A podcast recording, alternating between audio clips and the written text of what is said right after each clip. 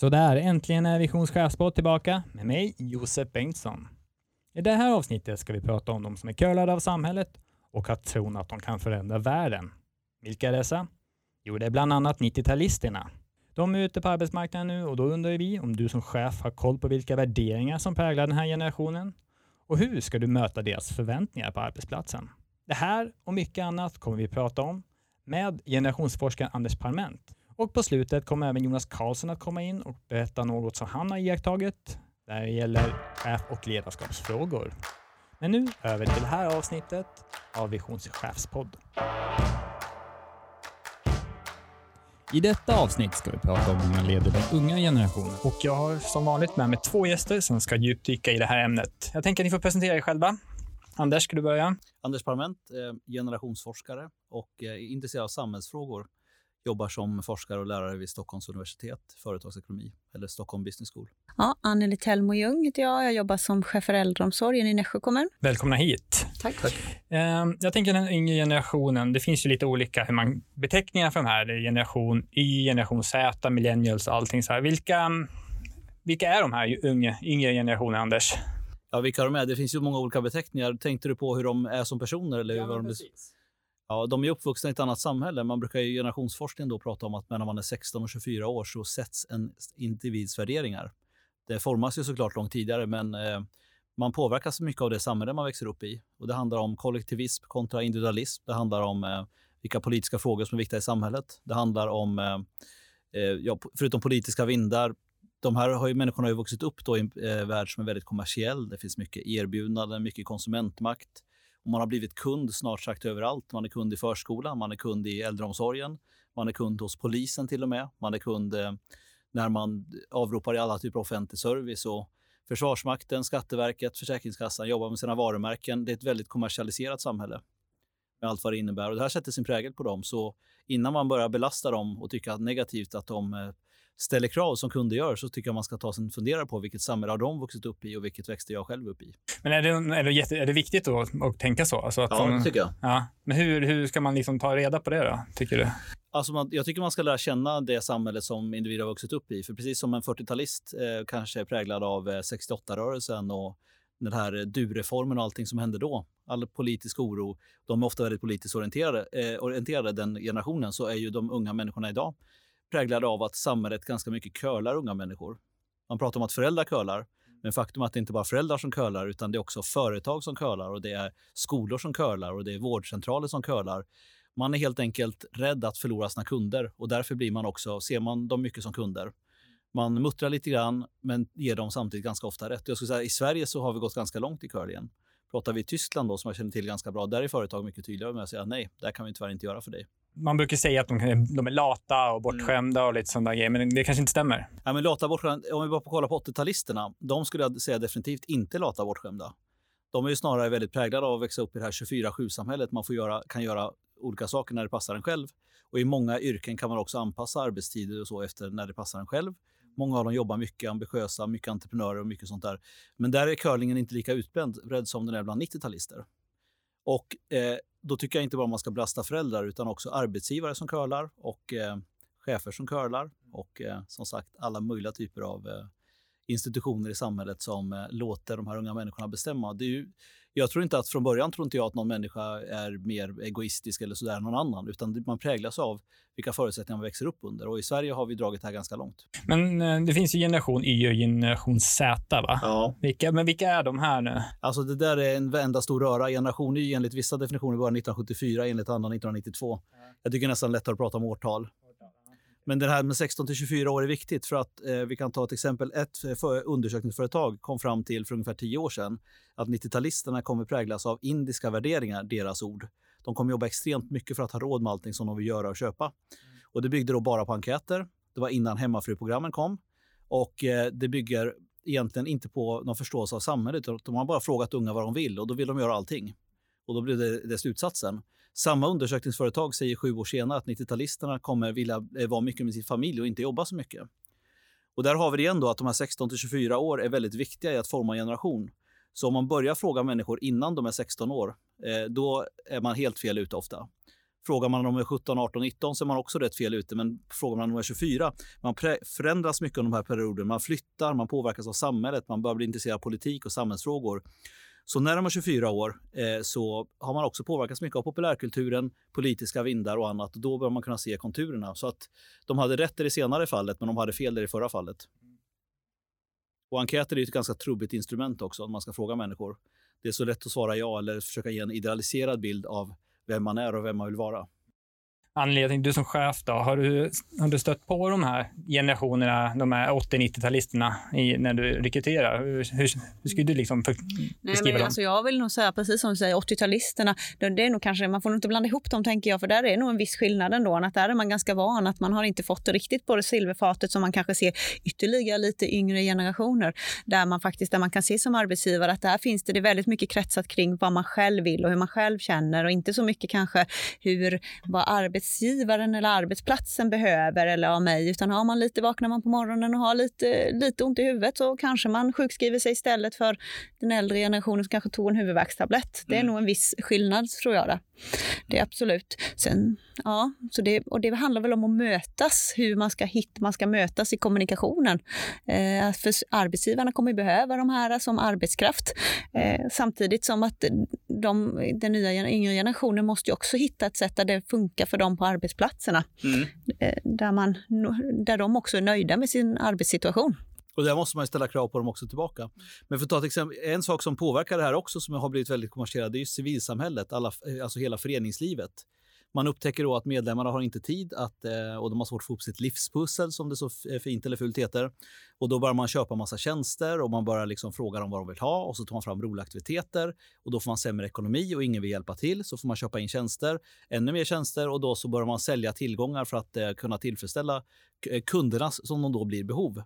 Och till exempel, jag har ett barn som spelar tennis, eller jag har två barn som spelar tennis, men där barnen som spelar tennis var jag på en tennisträning häromdagen. Och då är det en son till någon annan då som kommer fram till sin mamma hela tiden. Ja, men det här är inget roligt. Ja, men då får vi säga till tränaren att vi gör någonting annat istället.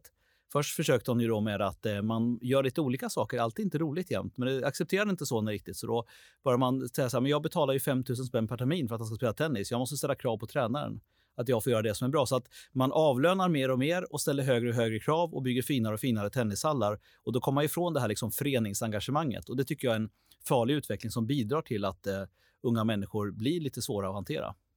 Sen kommer arbetsmarknaden efter ett tag att eh, reglera det här för att kraven i arbetslivet är stora som vi vet och eh, de blir högre och högre. Så människor som eh, beter sig illa i arbetslivet kommer ju få det tufft helt enkelt. Ja, men så, så är det nog. att Man ska nog inte förvänta sig att människor gör någonting på sin fritid. Det tror jag inte. Utan det är verkligen, ska jag göra en tjänst åt dig så ska, får du betala. Mm. Så tror jag att det med förenings, föreningar kommer ha en utmaning som bygger väldigt mycket på ideell verksamhet. Alltså hur många föräldrar får en sina barn att hjälpa till hemma i någon rimlig volym. Utan mm. man, det kanske är så att man, där man redan börjar curla där, att man gör alldeles för mycket för det är smidigare. Mm. Eller får man betala för tjänsten? Ja, exakt. Ja. Och Det beror också på att vi har ju en hög välfärd i samhället. Det har varit en lång högkonjunktur och eh, reallönerna alltså efter inflationsrensat har ökat med ungefär 50% på 20 år, genomsnittslönen i Sverige. Så vi har ju mycket mer pengar nu att köpa tjänster och köpa resor och köpa annat. Så att eh, det är ju inte, alltså ekonomisk knapphet under en period kanske skulle ändra på de här sakerna lite grann. Jag tyckte jag hörde någonstans att man pratade om att varje generation har haft som mål att man vill eh, ge sina barn en bättre, eh, ska få det lite bättre än vad man själv har haft. Och någonstans tänker jag att det ligger något i det att som förälder vilja att ens barn ska ha det lite bättre utbildningsmässigt eller få göra, hitta på saker. Eh, och det är klart att det bidrar ju också till att man, man driver upp ett, man ger barnen möjligheter, förutsättningar, kanske få dyra kläder eller få göra göra saker som kommer vara en utmaning sen när man ska försörja sig själv. Där det kanske inte är så lätt att eh, köpa de prylarna som man är van att få från sina föräldrar. Du märker, jag är 46 år, men när jag var 18, 19, 20 år, man bodde hemma och började studera och sådär. Jag tror att alla mina kompisar och jag betalar pengar för att bo hemma. Och nu verkar det vara ganska vanligt att man bor hemma gratis och man får åka på gratisresor med föräldrarna på semester. Och man får låna, man kanske till och med köper en extra bil som barnen får köra omkring med jag har inga data på det, men det är ändå en liksom ganska tydlig utveckling åt det hållet. Jag tänker lite att det är en risk att man som förälder gör det i en björntjänst, om man nu ska ja. säga så till sina ja. barn. För någonstans när man ska flytta till en egen lägenhet och ska mm. pröjsa för sin egen bil och man ska mm. pröjsa för sina resor och sina märkesvaror, så helt plötsligt så kommer det ju vara lite knapert på lönen. Om inte föräldrarna fortsätter? Och så... Om de inte gör så, ja. Mm. Men hur gör man då sen när de här ska in på arbetsmarknaden? Vad ska man, hur ska man tänka som arbetsgivare? Alltså, jag, vet inte, jag, jag, tänker nog att man måste vara tydlig, man måste lyssna. Man kan inte bara säga att, amen, att ser att det här är en, en generation som inte som är lata, utan det tror jag inte handlar om det. Utan man, är, man har fått det på ett visst sätt i samhället som gör att där måste vi möta dem. Men man måste lyssna på och sen måste man ju också eh, tänka att man måste faktiskt ställa krav för vi kommer inte kunna anpassa våra arbetsplatser hela vägen ut till det, den nivån som kanske de egentligen hade önskat. Mm. Utan det här, man får nog säga att det här är vad vi erbjuder. Lite take it or leave it. För någonstans kommer ju också verkligheten ifatt den här generationen med amorteringar och köp och betalning av förskolavgifter och allt vad det är, vilket gör att de säkert blir lite mindre, lite mindre millennials och lite mer äldre och tråkiga. Och då är ändå förskoleavgiften subventionerad till ungefär 90 procent. Men man ska komma ihåg också att under väldigt lång period så har ju konsumenter och medborgare haft alldeles för lite att säga till om i relation till både arbetsgivare och politiker och företag. Det är först de senaste åren som det här kan jag tycka börjar spåra ur. Så det var inte heller bra som det var på 70-talet eller så här, att man hade väldigt lite att säga till om som medarbetare. Så i grunden är det här en utveck bra utveckling fast den kanske har gått lite för långt. Ja, men det är väl den där berömda pendeln som alltid går lite för långt åt det ena hållet innan den, den borde stannat lite tidigare kanske. Men hur kan, ett, jag tänker så här, hur kan ett personligt brev se ut om man är från 80-90-talet när man skickar in till en arbetsgivare?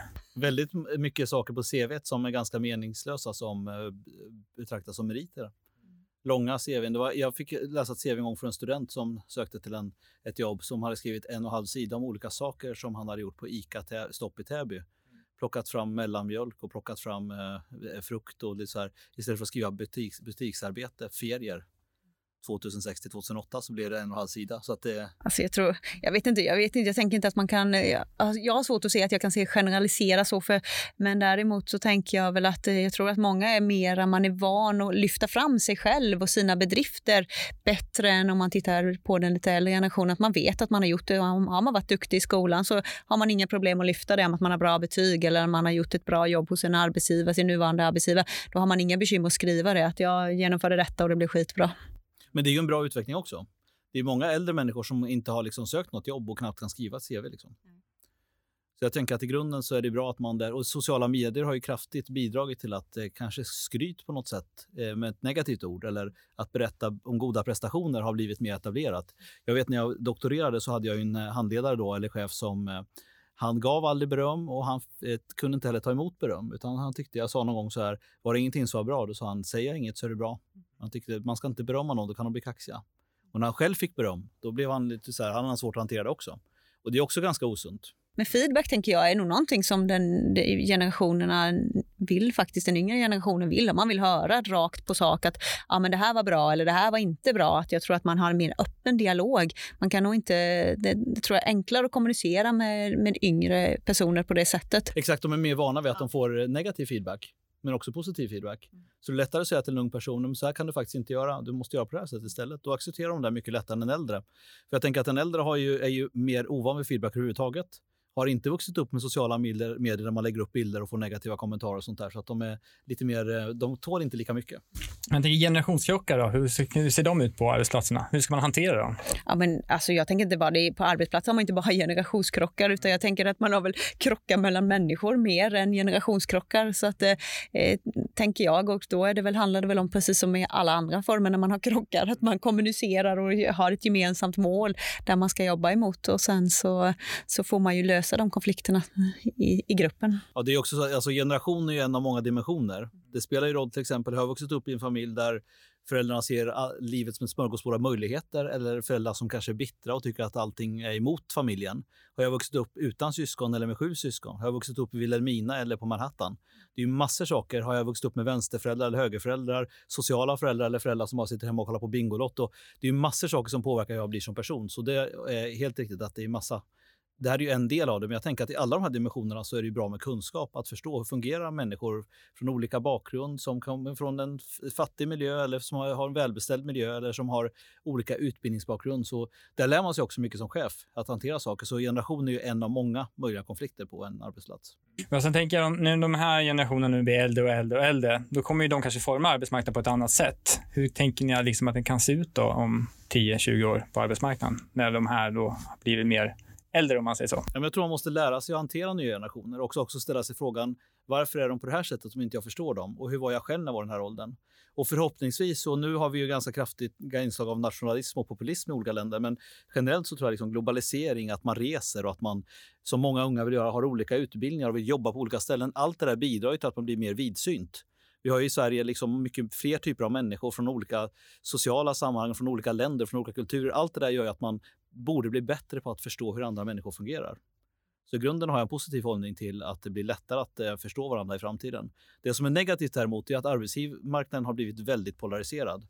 Mellan oss som har eh, fasta anställningar, anställningstrygghet och en eh, hyfsad inkomst och de här allt vanligare, den här gigekonomin då. När man, jag tänker på det här i Stockholm, nu är vi mitt inne i Stockholm, det är massor med så här mopeder som åker runt med Foodora och Uber Eats. De får ungefär 30 kronor för att leverera lunch på någons jobb de borde leverera 100 luncher om dagen för att få ihop ekonomin. För det krävs ungefär 3 000 intäkter per dag för att överleva med kostnader för mopeden och allting. Och det är ingen som klarar av det. Så de jobbar jättehårt. Och när jag åker taxi, då kan jag åka med sådana här eh, tjänster där man köper upp det billigt. Jag betalar 420 kronor till Arlanda, det är 4,2 mil. Oavsett om det tar en timme med köer eller 30 minuter. Oavsett om det är mitt i natten eller mitt på dagen. Det är orimligt billigt.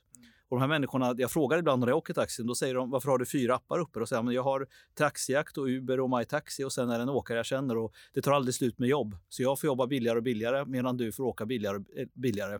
Och till slut håller liksom, det blir en väldigt stark polarisering på arbetsmarknaden och den tycker jag är olycklig när det handlar om att hålla ihop Sverige. Om man jämför med äldre generationer, vad är de största skillnaderna? Den största skillnaden enligt Ungdomsbarometern som eh, undersökt det här sedan 90-talet och ställt frågor återkommande, det är ju eh, möjligheten att förändra världen tron på det, den har blivit mycket, mycket större. Och det beror väl också på att det är så lätt genom digitalisering att ansluta sig till olika typer av liksom rörelser och annat. Och det är den fråga som eh, förändrats mest. Men måste arbetsgivare då förändra sig också då för att kunna locka dem? Absolut. Jag tänker att arbetsgivare måste förändras hela tiden.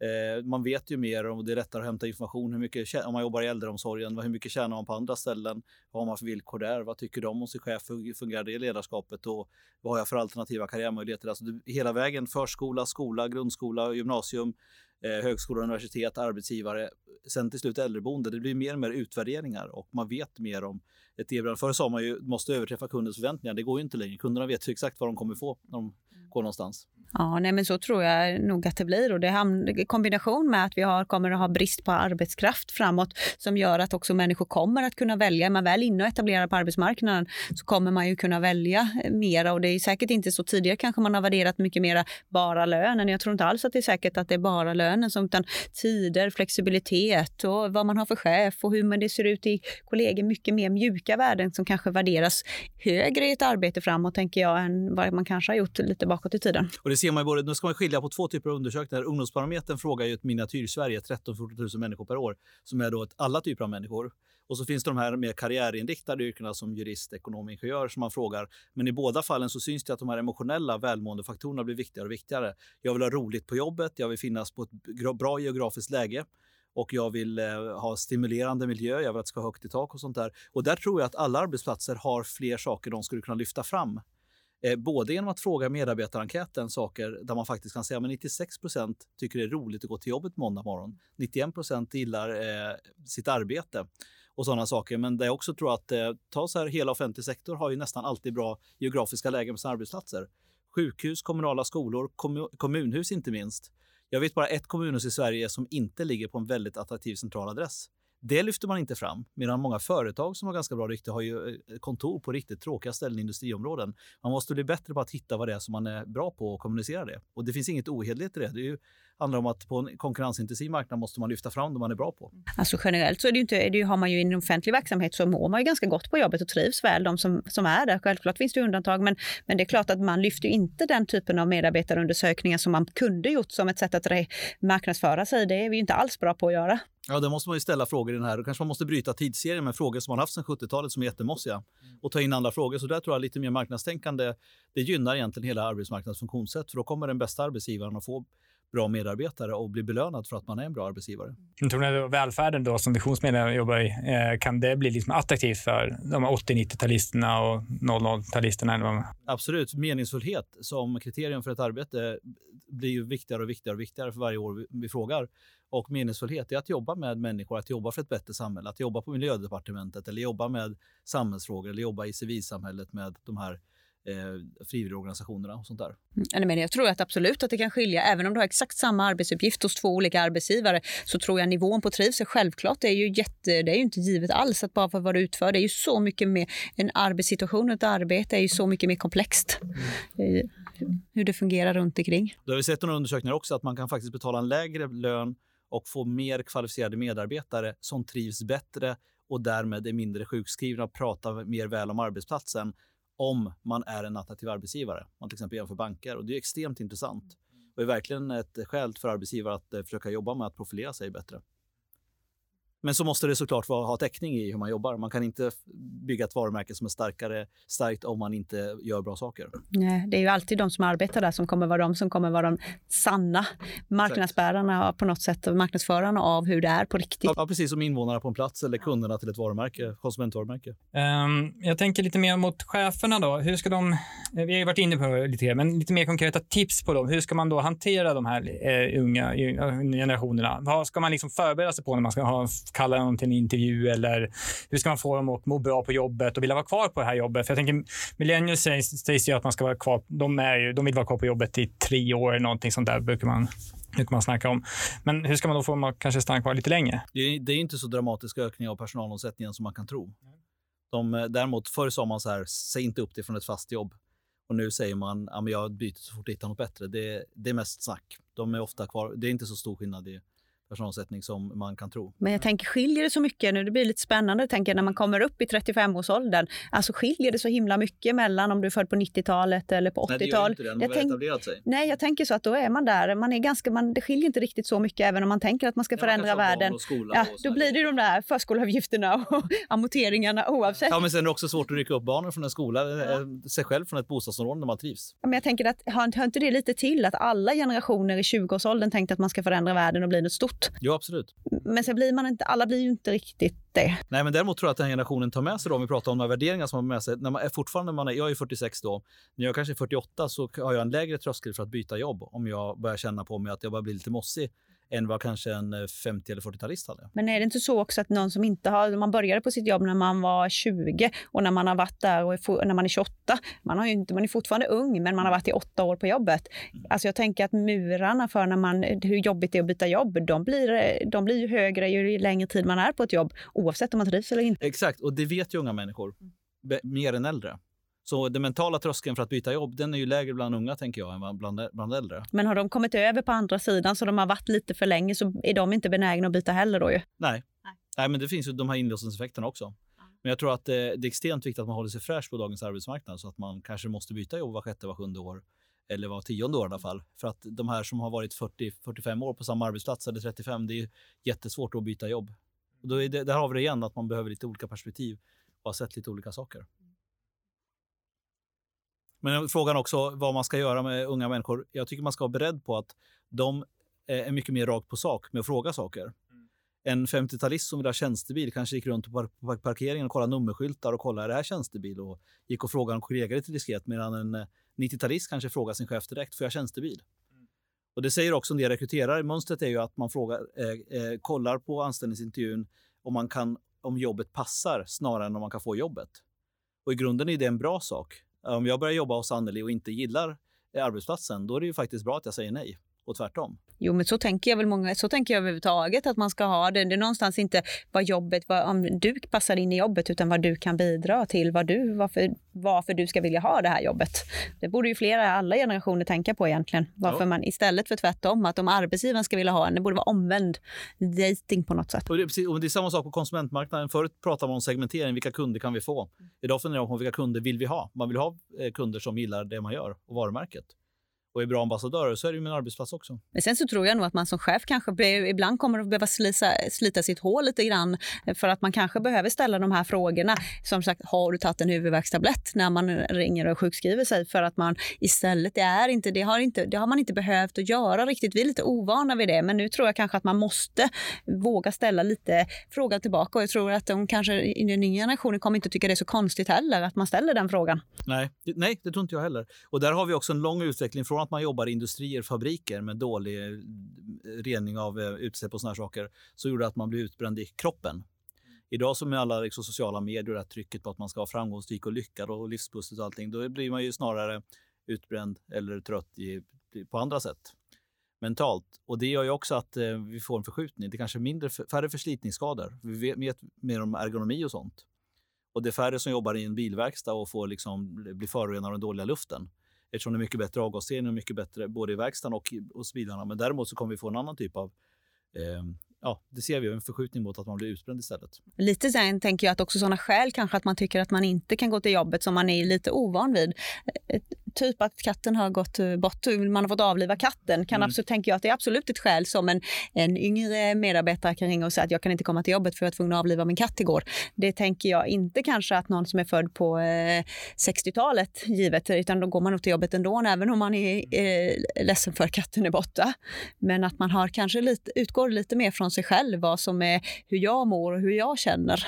Och det talar för att man behöver en ökad förståelse för andra människor och se fler saker på fler sätt. Men det är samma sak om jag frågar mina föräldrar till exempel och berättar att nu gör jag faktiskt inte det, men om jag skulle, det kanske jag borde göra, gå till en psykolog eller terapeut. Jag tycker inte det är något konstigt i min generation och det tycker inte du heller. Och det, liksom, det, det gör man om man behöver det. Och, men äldre människor tycker, de pratar om det här är som på gamla tiders mentalsjukhus. Folk skulle bli eh, jätteoroliga om de fick reda på att du går till en terapeut eller psykolog. Så där har vi en förskjutning från att man skulle inte prata om sådana saker till att man faktiskt är ganska öppen med vad man liksom känner och tycker. Alltså man, är, man är nog van att vara öppen med sitt privatliv. Det är inte så jobbigt att berätta att man har det jobbesvärligt, vilket också tror jag kan underlätta för arbetsgivare. Man vet varför personen är borta eller varför den inte mår väl. För man, man, man, får, ganska, man får livet lite mer serverat. Mm, och det här bidrar säkert också alla bloggare och annat som liksom berättar om hur de har det. Så att, eh, den här, eh, man pratar ibland om att man ska visa upp det lyckliga livet, fast det finns ju också rätt så mycket i sociala medier där man också visar upp en annan sida av där man kanske inte mår så bra också. Hur, hur ser den yngre generationen på jobbet som chef? Jag tror att man blir inte chef om man inte vill bli chef nu. Förr i tiden kunde man bli chef av plikt. Det sa man först har eh, Eva-Karin varit chef och sen var det Göran som var chef och nu är det Amirs tur för att eh, vi har ett något slags roterande med, eh, chefskap och varken Eva-Lotta eller Göran eller Amir vill vara chefer, men de blir det ändå. Jag tror att det är de som är kanske 50 nu eller äldre.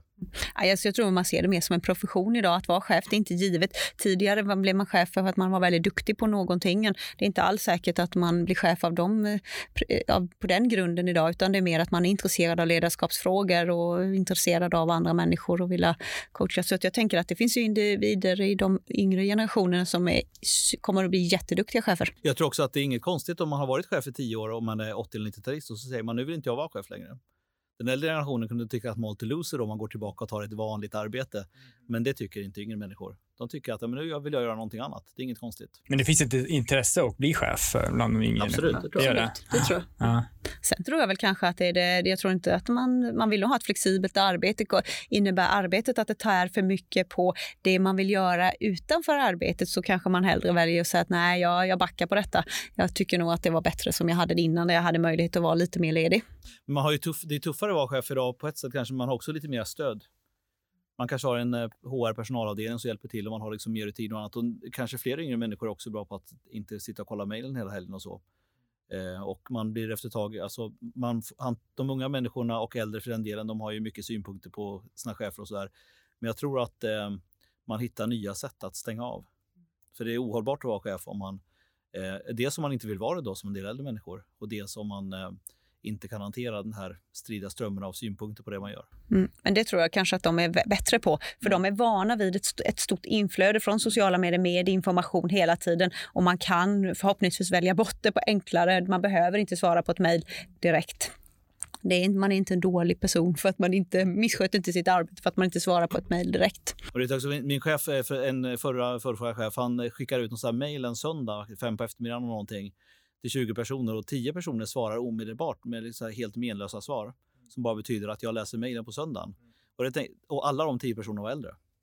Jag tänker att unga, män, unga människor gör liksom inte så. Nej, men det är lite det jag tänker. Det är lite det jag menar, att man vill visa att man faktiskt är engagerad och man är på och man är på på jobbet. Mm. Men hur kommer de här vara som chefer då? Eller det finns ju några som är chefer redan idag, men hur är de, de här yngre generationen som chefer? Bra tror jag. De vill vara chefer och eh, de gör det bra. Men de, dels har de blivit chefer för att de vill. Det är ju lite blandat bland äldre. Många vill och många kanske känner sig liksom lite tvingade eller så. Men eh, jag tror att eh, man har också sett till att skapa liksom, villkor och förutsättningar.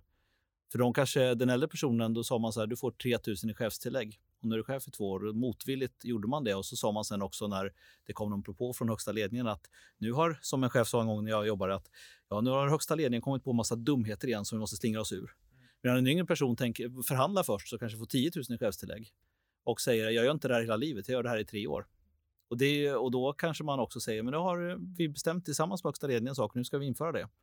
Och det tror jag är faktiskt en bra utveckling, att man är chef på riktigt istället för den här motvilliga chefen. Mm.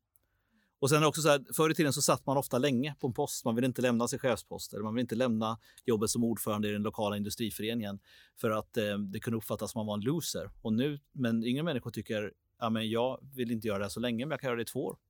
Kanske en bra sak att man roterar och gör mer olika saker. Ja, men så är det väl överhuvudtaget med chefsuppdrag. Att man är, jag tror inte man kan vara en bra chef på samma position i väldigt många år oavsett hur duktig man är. Utan man behöver nya glasögon, man behöver byta, eh, man behöver byta arbetsplats. Mm. Så man ser lite nytt och fräscht på det. Men kommer de ändra ledarskap också, de här yngre generationerna? Alltså som det ser ut idag, eller den äldre generationen? Jag tror det blir mer av um, tydliga beslut och mindre av det här. Det finns en eh, Time Magazine gör en undersökning varannat år tror jag. Det, chefen har alla svaren. 7% i Sverige, och 70% i Tyskland och 80% i Indien. Det här med, eh, som Lars-Johan Jarnheimer har sagt, då, i Sverige ses ledningsbeslut som intressanta inlägg i debatten. Det tror jag att vi måste gå ifrån. För det går åt väldigt mycket tid. Vi jobbar, jag jobbar med rektorsutbildning på mitt jobb. Då behöver vi liksom räkna på hur mycket det här kostar. Man ska fatta ett beslut om att köpa en kaffemaskin för 10 000. Och det sitter 30 människor tre gånger och diskuterar det här och det kostar 30 000 i mötestid att fatta beslutet. Mm. Och den nya generationens chefer kanske bara säger jag köper in en kaffemaskin. Mm. Det måste bli, en del skulle säga kalla det auktoritärt, men jag skulle säga att det är ovettigt att diskutera saker för mycket som man ofta faktiskt har gjort i Sverige och låter alla tala till punkt. Det blir liksom olidligt för organisationens effektivitet. Då kunde man ju tänka då att den, den yngre generationens chefer kanske kommer uppfattas lite mer som att de kör över. Att de inte är lika mer jobbar med samarbete och delaktighet. Vara, delaktighet som i all förändring. Ja. Men alltså, man ska komma ihåg att precis som den här åldersnormen vi har i Sverige, den är ju ganska unik i världen. Vi har en liten, de nordiska länderna att, man, eh, att det är så svårt att vara gammal på arbetsmarknaden. Och på samma sätt är att vi har så mycket synpunkter på vad det ledningen kommer på att tro att vi ska trassla oss ur. Det här kännetecknar hela samhället. Där jag bor har man just infört parkeringsavgifter. Och eh, då börjar det bli en så storm mot trafiknämnden. Man ska dit och ha massa möten och sånt. Men sen efter två månader så har ju folk tröttnat för de inser att det kommer inte ändra på. För att trafiknämnden har ju såklart kollat Stockholm växer. Nu ska vi ändra de här sakerna. De kommer inte backa på det här det är lite den här tron vi har i Sverige på att om vi bara pratar och slingrar oss så kommer vi liksom slippa massa saker. Jag tror att det är ohållbart i längden. Ja, jag tänkte vi ska börja avrunda. Eller är det något mer ni känner att ni skulle lyfta innan vi avslutar? Ja, men jag tycker det här är viktigt att man tror på sitt erbjudande. Att man, samhället har ju blivit lite ängsligt så här. Företag skickar massa enkäter och skolorna undrar hela tiden vad föräldrarna tycker. och sånt där. Jag tror att det är viktigt oavsett om man är chef eller säljer konsumentprodukter eller vill skapa en attraktiv arbetsplats att man är tydlig med vad man står för och sen inte är för ängslig med att Eh, Eh, i varje läge ändra på någonting för att människor tycker saker. I längden är det attraktivt. De företag som är mest framgångsrika de skickar lite kundenkäter men tror ändå på det de gör och eh, lyckas få människor att eh, gilla ja, eh, det. Det fungerar bra att vara övertygande och tro på det man eh, säljer eller erbjuder. Jo, men jag tänker ett tips då, är det här ditt tips då till arbetsgivare för som de ska anställa en, eh, en från den yngre generationen? Alltså oavsett om man anställer någon eller oavsett om man ska erbjuda någonting till en elev eller förälder eller till en eh, konsument eller eh, en plats där man ska bo eller någonting, så tror jag väldigt mycket på att man ska ta fram ett bra erbjudande så ska man tro på det. Jag som förälder och har barn, jag gillar ju när lärare i skolan, och jag har haft flera sådana som tur är, de de säger så här jobbar jag och det här är liksom mitt sätt att se på det här och underförstått, jag är proffs på det här. Har ni synpunkter kan ni ta på det, det på föräldramötet om tre månader. Istället för att, jaha, men tycker du det? Ja, men det måste vi diskutera. Jag ber att få återkomma. Och sen så blir alla väldigt liksom, osäkra efter ett tag. Det visar att man kan påverka allting och läraren ger liksom ett osäkert intryck. Jag tror att på den förra modellen. Jag är lärare, jag är proffs. Eller jag är murare, jag är proffs. Eller jag är polis, jag är proffs. Eller jag jobbar på trafiknämnden och jag är proffs. Vi måste lita på varandras professionalitet och i det ingår också att man litar på sitt erbjudande. Ja, men jag tänker väl när man anställer eh, millennier så, så tänker jag att det är viktigt att man redan direkt vid anställningen eller anställningsintervjun att man faktiskt gör klart att det här är vad jag förväntar mig av dig och vad har du för förväntningar på den här arbetsplatsen. Men när man är tydlig och inte börjar och ge avkall och börja gör, kompromissa bort för det kommer att vara krav på arbetet som man ändå måste skicka med och då får man, har man någonstans gått in i det, det blir ett commitment. Har man tagit en anställning så får man också förhålla sig till de, de förväntan som finns på den arbetsplatsen. Och då tänker jag också att man, att man då får, som chef också får komma ihåg att man, det här är inte lata människor, det här är människor som har vuxit upp i ett samhälle som har sett ut på ett visst sätt, som, där vi alla har varit med och format dem. Eh, och som man säger, är man, har man tro, tänkt att man är kund hela tiden, så klart så blir det ju lättare att man tänker att man alltid sitter på rättigheterna. Så, då tackar vi eh, detta avsnitts gäster och nu har Jonas Karlsson här kommit in i studion och vad tänker du? Vad tänker du först om eh, dagens program? Ja, tack Josef. Ehm, jag, jag blir faktiskt glad när jag hör Andres konstatera att yngre generationer eh, vill vara chefer. Mm. Från och till så möts vi av motsatsen, att unga inte skulle vilja bli chefer. Eh, låt oss konstatera nu att det är en myt. Det är en myt, ja, ja. Bra. det bra. Unga vill ha inflytande, man vill påverka. Därför vill man givetvis också vara chef. Men det är också viktigt med balans i livet. Och då är det nog på det viset att det är långt ifrån alla som ser att chefskap faktiskt är riktigt rimligt. Eh, en undersökning som eh, Vision och Unionen presenterade för inte så länge sedan mm. visar att sju av tio chefer faktiskt till och med åsidosätter sin egen hälsa för att tillgodose medarbetarnas. Okay. Eh, det här ser ju unga, ja. precis som alla andra runt chefen. Och är det någonting som gör att man kanske tvekar på ett chefsuppdrag så är det ju de sakerna. Mm. Vad, vad gör vi åt det här då? Ja, vi måste organisera så att det går att vara chef. Så att eh, chefsrollen verkligen blir en roll där man har inflytande och kan påverka. Och att man orkar över tid. Dagens tips därför, tänkte jag, Josef, det får vända sig till lite högre chefer, chefer som eh, anställer andra chefer. Okay. Att arbeta med chefers förutsättningar är att skapa attraktiva arbetsplatser. Enligt Manpowers mm. eh, arbetslivspanel så kännetecknas våra drömarbetsplats främst av eh, bra kollegor och att ha en chef som man trivs med. Mm. Och att det faktiskt kommer före. Först på tredje plats har vi det här med meningsfulla arbetsuppgifter. Det är dags att förstå och utveckla chefers organisatoriska förutsättningar.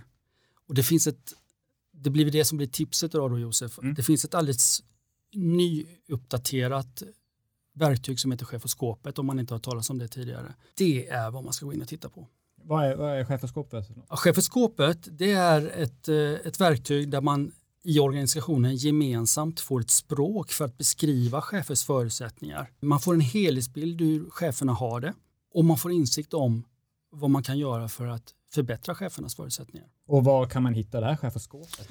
Vi, finns det på vision.se? Ja, det gör det givetvis en länk, men annars går man in på Sunt Arbetslivs hemsida. Mm. Och det är det ni ska göra nu på en gång. Ja, på en gång. Bra tips.